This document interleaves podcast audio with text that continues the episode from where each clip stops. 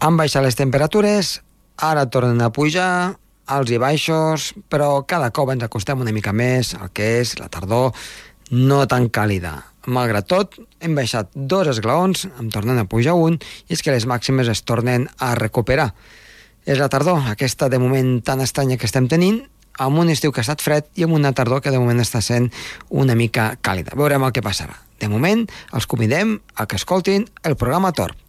Comença el Torb.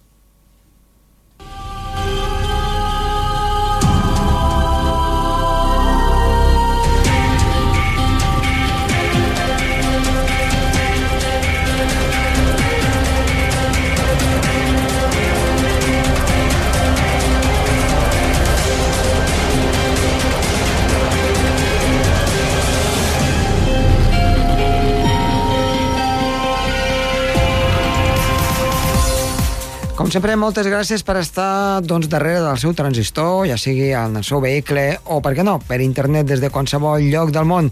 Moltes gràcies per escoltar aquest programa de ciència i també de meteorologia. Avui tindrem, com sempre, en Roger Soler, que ens portarà les novetats de ciència i de meteorologia de la setmana i ens n'anirem cap al cim del Coma Pedrosa, però en el que és el seu parc natural, amb Jordi Nicolau, que ens explicarà una mica doncs, com ha estat aquest estiu aquest parc i també les darreres novetats de cara al que és l'any vinent. Tot això molt més en el programa que ara comença.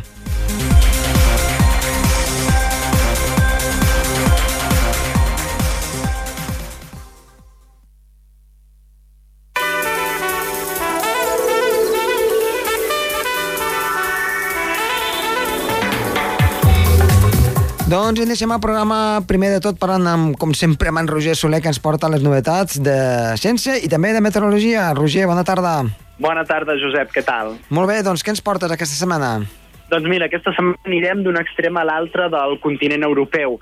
Farem, ens farem ressò, balanç de les inundacions, dels patacs d'aigua, de les pluges torrencials que fa 3-4 dies van sacsejar brutalment l'arxipèlag canari i, per altra banda, les primeres nevadetes, sense més conseqüències, cap al nord del continent europeu, cap a la península escandinava i cap a la zona de Rússia. Però si sembla, comencem amb el pitjor, amb la, el fenomen més tràgic que ha estat a l'arxipèlag Canària. Què és el que ha passat? No sé si els nostres oients que ens estan escoltant ho han anat seguint a través dels diferents mitjans de comunicació, però sobretot les xarxes socials, que l'arxipèlag Canari aproximadament entre diumenge, el cap, aquest cap de setmana passat, de fet, es va despenjar una llengua d'aire fred, una zona d'aire fred en alçada, una vaguada, que en diuen en, en castellà, o un solc, tècnicament en català, es va despenjar des de la zona centre de la des de Madeira, des de les Açores, i va, això, va baixar molt de latitud de mm. manera sobtada i es va recargolar una pertorbació en superfície amb un flux molt humit del sud-oest que va sacsejar sobretot les illes occidentals més de 150 litres per metre quadrat van caure a la zona de Tenerife, la seva capital, Santa Cruz de Tenerife, van caure aproximadament 140-150 litres per metre quadrat en tan sols 12 hores. Per tant, estem parlant, Josep, d'intensitats molt torrencials de les precipitacions. Vam haver de lamentar una víctima mortal, una dona que li va agafar un infart quan es va veure sorpresa per una inundació a un carrer que literalment era totalment un riu molt desbordat, llàstima que hàgim d'haver lamentat òbviament a aquesta víctima mortal i moltíssims desperfectes, molts danys a les infraestructures, als carrers. De fet, a, a hores d'ara encara estan intentant tornar a la normalitat i posar-ho tot a puesto, posar-ho tot a lloc després de tots aquests desperfectes de cotxes literalment emportats, arrossegats eh, per les inundacions. Pràcticament tot Santa Cruz de Tenerife semblava uh, tot una, una ciutat inundada, eh, perquè no va l'aigua no va deixar el lloc per sorpresa i va afectar uh, pràcticament cada i tots els racons d'aquesta zona. Van caure també més de 100 litres cap a la zona del Hierro, cap a Gran Canària, també cap a La Gomera. En canvi, precipitacions menys importants o amb menys conseqüències cap a les illes més orientals, cap a Fuerteventura i Lanzarote, no va tenir tanta inestabilitat, però sobretot a Tenerife, amb aquest flux del sud-oest humit, la zona muntanyosa del Teide, la zona muntanyosa del nord, Josep, va mm. fer de bloqueig i va retenir allà totes aquestes precipitacions que venien carregades d'humitat de l'Atlàntic amb flux del sud-oest. Es va produir el que anomenem una, un efecte pantalla, que al vessant sud, d'on venen les precipitacions, doncs acostuma a deixar moltíssima aigua, i en canvi en el vessant nord de l'arxipèlag pràcticament ni es van enterar d'aquestes pluges, sí que va ploure, però amb molta menys consistència. Per tant, l'orografia ha jugat un altre paper, en aquest cas un altre paper més aviat tràgic o un altre paper, podríem dir, uh, de fenòmens severs en aquesta zona de l'arxipèlag canari. Eh? Sí, és curiós perquè, de fet, a la cara nord de l'arxipèlag canari, en aquest cas de, de, de tot el que és la zona del Teide, és on sempre hi ha més humitat, hi ha més boscos, el, hi ha doncs, menys dies de sol al llarg de l'any, en canvi la cara sud és on sempre eh, gaudeix d'un temps molt més estiuenc, inclús a, a l'hivern i a la tardor doncs, doncs sí. més primavera, no? I doncs en canvi, sí, això explica, està... diguéssim, el fet de un canvi en el posicionament de les masses d'aire, no? Mm -hmm. Normalment hi ha anàlisis que són vents del nord, nord-est, que retenen la humitat, la nuvolositat mm -hmm. cap a la cara nord de l'arxipèlag, sobretot en els vessants septentrionals, exposats amb aquests alisis, i en canvi el vessant sud es produeix el, fo el foen, el fogony, podríem dir, un passa una mica el mateix aquí al Principat d'Andorra entre el pas de la casa i, i les parròquies baixes, no? Quan entra al nord-nord-est queda tapat el pas de la casa, però en canvi fa sol, un sol radiant, que ni se n'enteren d'aquest cel tapat cap al sud del país. Passa bastant el mateix, podríem dir extrapolar-ho a la Canari, però aquesta situació ha vingut configurada per una borrasca amb vents amb un del sud-oest en alçada que ha produït la situació viceversa, eh, Josep? Doncs sí.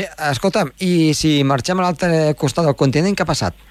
Doncs sí, no ha passat un fenomen sever, uh, ni tan greu, òbviament, però sí la primera anècdota, la primera nevadeta, per exemple, aquest dilluns d'aquesta setmana a Moscou, a la capital russa, han caigut 5 centímetres, hi ha una d'aire fred allà amb pertorbacions, amb baixes pressions i zones d'inestabilitat que van deixant ja les primeres forma de neu.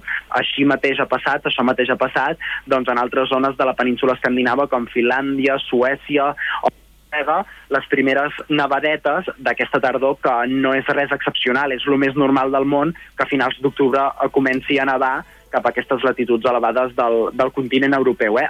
Veiem, veurem què fan les pròximes setmanes aquest magatzem d'aire fred que de moment està a latituds molt elevades. Josep, fins que no trobi un passadís, un canal, una carretera per baixar, no tindrem fred. Mm, doncs, escolta'm, eh, el fred de debò que no es vingui de cop, eh?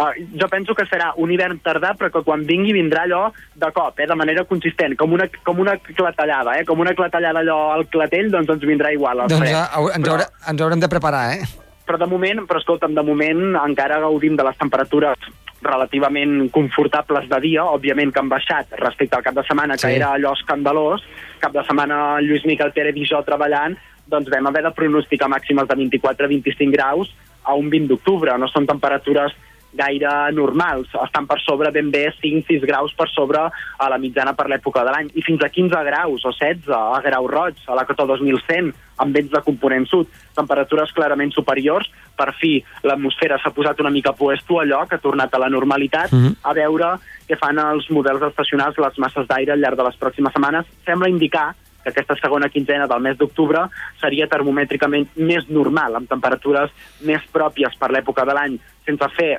fredurades prematures fortes, però tampoc tindrem calorades com la primera quinzena del mes d'octubre. La cosa s'ha ficat una mica a ratlla, no creus? Doncs sí, a veure, a veure què és el que acaba passant. Ho explicarem aquí, al Torb.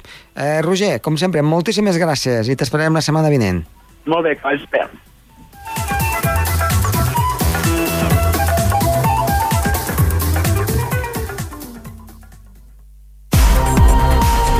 El Torb, amb Josep Tomàs.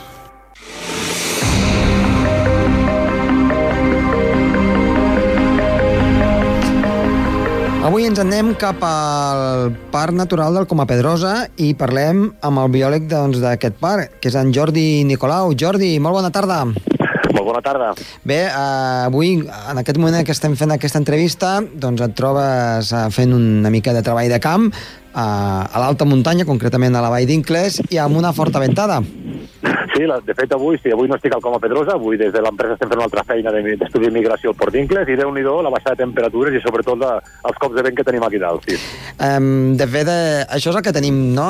aquí en aquestes zones elevades de, del país, de que a les zones baixes pràcticament doncs, ni ens hem enterat de que estava fent vent el vent que ha fet ha estat eh, fluix, en canvi a l'alta muntanya aquest vent és molt fort. Ara comencen, de fet, a, aquestes, eh, eh, no jornades, però sí aquests, aquestes setmanes en què hi ha un flux migratori de les aus i res, per fer-nos una pinzellada, per què aneu a la vall d'Inclés?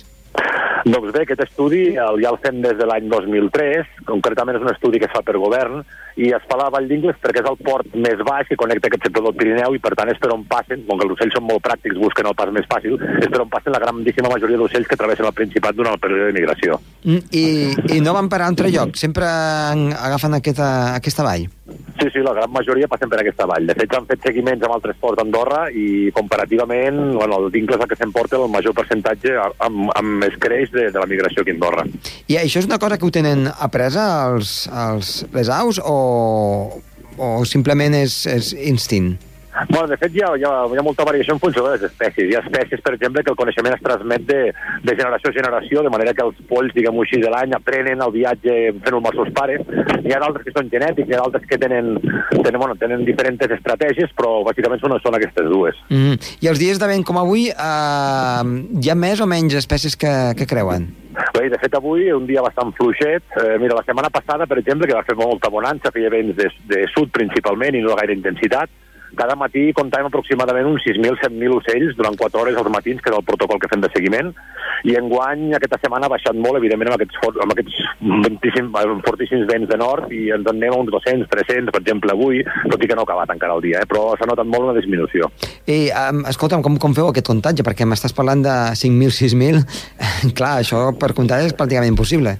Bueno, eh, a, a vegades amb les estimacions, l'important és que sempre siguin les mateixes persones i que es faci servir la mateixa metodologia mm. i el que es, bàsicament es compta el que es veu amb ull nu Comptar els ocells realment no és tan complicat, el més difícil és identificar-los a nivell específic, sobretot sí. pels sons, per la manera de volar, tot i així sempre te'n queden uns quants com a no identificats, però l'important és això, seguir sempre la mateixa metodologia i poder comparar-nos any rere any en funció de la climatologia, en funció de com han les poblacions del nord, uh -huh. etc. I, uh, dius que sempre han de ser les mateixes persones, això és perquè uh, els ulls els tenim acostumats diferents, els uns dels altres? Sí, bueno, i més que els ulls, que també són molt els coneixements, i l'important és que siguin sempre les mateixes persones que tenen els mateixos coneixements ornitològics, Clar eh, bueno, i sobretot, sobretot aquesta part. La visió, bueno, més o menys tots tenim la mateixa, pots estar més avesat o menys avesat a veure els ocells entre, la, entre, entre les pedres i tot això, però l'important és això, que sigui el, el més fàcil de comparar d'un any per l'altre, que hi hagi menys error metodològic, que vindria molt donat si hi hagués molts canvis, per exemple, de persones mm -hmm. o diferents coneixements. I a, a, llarg de l'hivern també hi ha mm, alguna migració per, per, per aquesta zona o és únicament ara en aquest moment? Bueno, la migració pensa que és un període molt laxe. De fet, començaria ja a final de juliol, quan alguns, alguns ocells ja han acabat de reproducció. Sobretot el gruix, per exemple, de Rapinyaires té lloc a final d'agost, amb el pas de la Ligot Vesper, o a principi de setembre amb el pas de la Marcenca. I ara, sobretot, tenim pas de petits ocells, que en diguem passeriformes, com per exemple pinsans comuns. Tot i així, això es va allargant en funció de les espècies, i per exemple, al novembre encara passen les grues, passen algunes altres espècies. El període de migració és molt laxe, sobretot el de tardor. Mm. Eh, I aquestes espècies normalment se'n van cap a zones del sud d'Europa i l'Àfrica, no? Sí, sí, de fet, de, de les que ens passen per aquí, per exemple, mosquiters, aquests són subsaharians, anirien per sota del Sàhara, zones com Senegal, per exemple, però d'altres també en funció de la, de la, de la climatologia que trobin es poden quedar fins i tot aquí a Andorra alguns, altres poden quedar més al sud, alguns a Extremadura, en funció de les condicions que trobin i sobretot de l'aliment, que tinguin aliment, que és el que en definitiva detone les migracions i obliga els, els ocells i altres animals a desplaçar-se. Mm -hmm. Per tant, eh, amb el més que possible augment de les temperatures al llarg d'aquests mm, propers anys, és possible que algunes d'aquestes aus les migracions siguin més curtes, es quedin doncs, més al sud d'Europa. Sí, de fet, amb la migració de tardor no s'ha notat tant, però per exemple, la migració de primavera sí que hi ha dades ja a nivell europeu que indiquen que hi ha hagut una, un... s'ha avançat amb el calendari la migració. Mm -hmm. Degut a això, l'augment de les temperatures, el canvi climàtic en general ha fet que alguns, algunes espècies marxin marxin abans del període de cria del que marxaven abans. Per tant, s'estan adaptant una mica al que és eh, els nous temps o els temps aquests que ara estan corrent, no? Sí, exacte, exacte.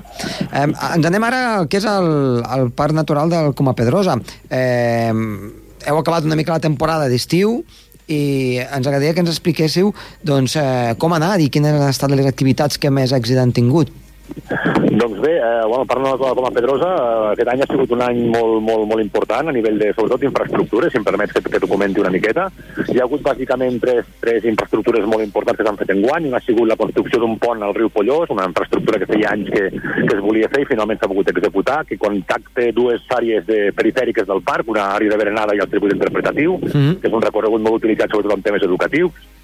Una segona també, sobretot pensada de cara al visitant, ha sigut un annex amb plafons informatius que s'ha creat prop de la caseta d'informació, de manera que la gent, encara que la caseta estigui tancada, no hi hagi ningú tenint al públic, doncs puguin informar-se i fer una visita de manera autoguiada, que és un pas també molt important. I una tercera, que, que suposo que tots més o menys hem sentit per la premsa, que ha sigut la instal·lació d'una escultura, mm. és un mirador panoràmic al cim del Coma Pedrosa, que ha sigut doncs, també una, una, un equipament doncs, des de fa temps ens demanaven, doncs, hi havia un cubilot de ciment doncs, bastant molt lleig per, per, sí. per ser sincers, i doncs s'ha millorat paisatgísticament tot això, s'ha oferit també una sèrie de plafons panoràmics perquè la gent des del cim vegi els principals accidents geogràfics que es veuen, també les principals espècies, i ha sigut un pas endavant, sobretot amb la, amb la, amb la millora paisatgística i també, evidentment, amb difondre els valors del parc, que és una part molt important. Mm, uh, aquest, aquest element de dalt del tot del Coma Pedrosa eh, es va fer amb helicòpter o es va pujar tot a peu? Bueno, el que són els equipaments grossos, pensa que, per exemple, l'estàtua que es va instal·lar del Joan Canal pesava 80 quilograms. Aquest, aquest material, igual que el ciment i tot això, es va pujar, evidentment, forçosament amb helicòpter. Per tot el que es va poder pujar a peu, tant per temes logístics com per minimitzar l'impacte, sobretot per temes econòmics, es van, es van transportar a peu. Mm -hmm. um, tracció animal és molt difícil, no?, de poder pujar fins allà dalt.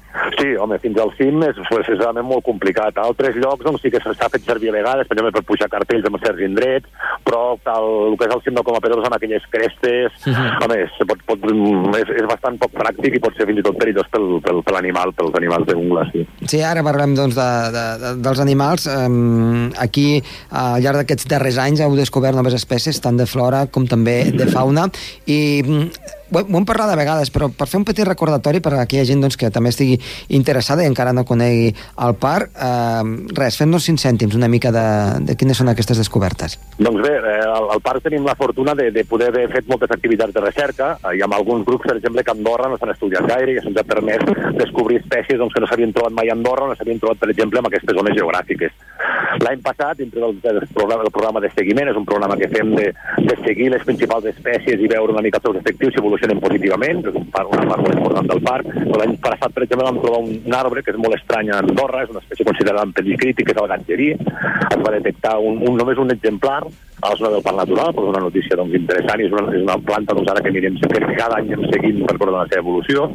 Igualment, doncs, el treball amb mol·luscs, això també ha sigut molt, molt recent d'aquest any, es va trobar una de les cloïsses d'aigua dolça, que la gent pot sorprendre que hi hagi cloïsses d'aigua dolça a Andorra, però sí que n'hi ha, hi ha unes cloïsses que diuen el gènere Pisidium, que s'havien trobat en diferents estanys d'Andorra, fins ara no s'havien trobat al parc, mm -hmm. concretament una espècie, sabeu que els noms científics són molt antipàtics, doncs l'espècie Pisidium casertanum es va trobar la, al sector de la bassa de les granotes, etc.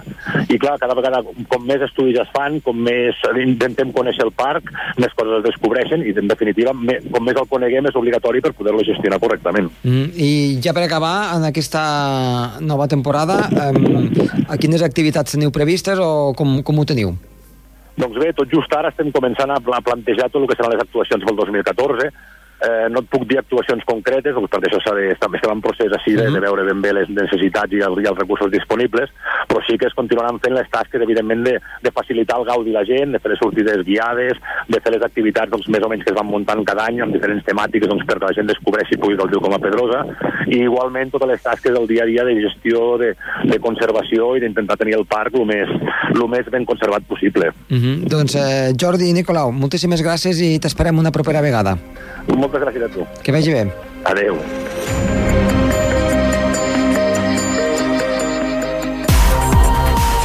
El torn amb Josep Tomàs. Doncs vinga, som-hi, anem a veure quin temps ens espera per aquest cap de setmana aquí, amb aquesta àrea del Pirineu, una àrea del Pirineu on últimament ha fet una mica de fresca alta muntanya, glaçat tímidament, tampoc eh, de forma excessiva, cal dir-ho, però sí que s'han assolit temperatures eh, cap als 2.000 metres entre 1 2 graus sota zero. Tot acompanyat de vent. Un vent que ha estat fort, puntualment molt fort, ràfegues entre els 130 a 80 km per hora. Per tant, la sensació de fred ha estat eh, intensa a l'alta muntanya, però això sí, sense precipitacions. Al front, aquesta massa d'aire freda que ens ha afectat ha estat molt més activa a la zona dels Alps, on allí ha nevat fins i tot per damunt dels 1.000 metres i s'ha arribat a recollir fins a mig metre de neu per damunt dels 1.500 metres en algunes àrees, com Suïssa, nord d'Itàlia, Àustria, tota aquesta àrea, eh, especialment també del sud d'Alemanya, on les temperatures, sense ser excessivament baixes, però sí que hi ha hagut una davallada, com la que podem tenir doncs, a principis d'hivern.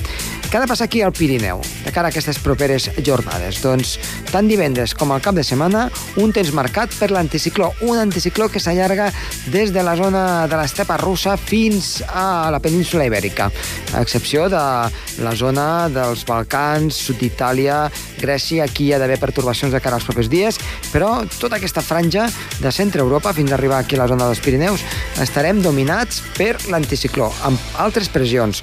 Això voldrà dir, d'una banda, que baixa eh, la força del vent, un vent que fins ara ha estat moderada fort, fins i tot molt fort. A partir ja de demà a la tarda, vespre, aquest vent no passarà ràfegues dels 30 km per hora als cims. Per tant, pel cap de setmana el vent serà fluix, encara de component nord, però fluix. Això vol dir que el sol s'imposarà arreu i les temperatures, les mínimes, seran les que toquen en aquesta època de l'any, a l'alta muntanya, mentre que les màximes seran una mica més elevades. Eh, la tendència és a que vagin pujant tant el divendres com també dissabte i també diumenge. Si més no, es mantindrien el cap de setmana. Per tant, valors a 2.000 metres que poden arribar als 10 o 12 graus. Són uns valors doncs, pràcticament de luxe. I com diem, amb un vent ja força més fluix. I a l'alta muntanya el que no trobarem serà ni glaç, ni gel, i tampoc i únicament restes d'alguna nevadeta que ha fet doncs, al llarg d'aquestes darreres jornades. Mm, ah, precisament doncs, el que és la setmana passada, diumenge va haver una petita nevadeta a les zones més elevades és l'únic que queda doncs, d'aquest episodi. Així doncs, una situació doncs, fantàstica per poder fer activitats a l'aire lliure, a l'alta muntanya, encara potser per buscar bolets, si no s'han acabat de secar amb aquestes ventades que ha fet. En definitiva, doncs, unes jornades que poden ser prou bones per fer activitats a l'aire lliure tant aquí al Pirineu com també fora del Pirineu. Fent només un petit apunt a les zones de costa hem de dir que, tot i que la temperatura no serà d'estiu, sí que seran temperatures elevades i també l'aigua del mar es troba en molt bones condicions per ser l'època de l'any en la que estem.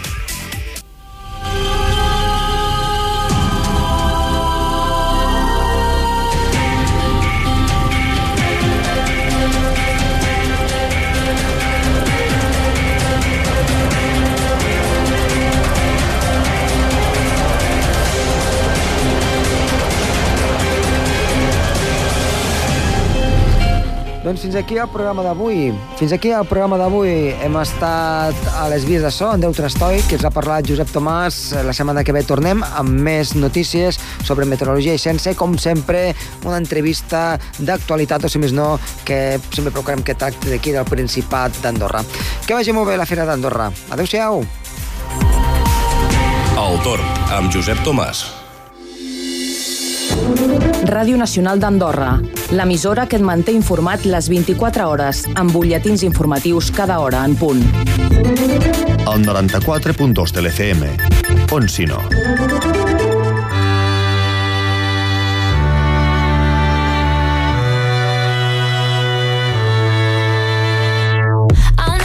something about you.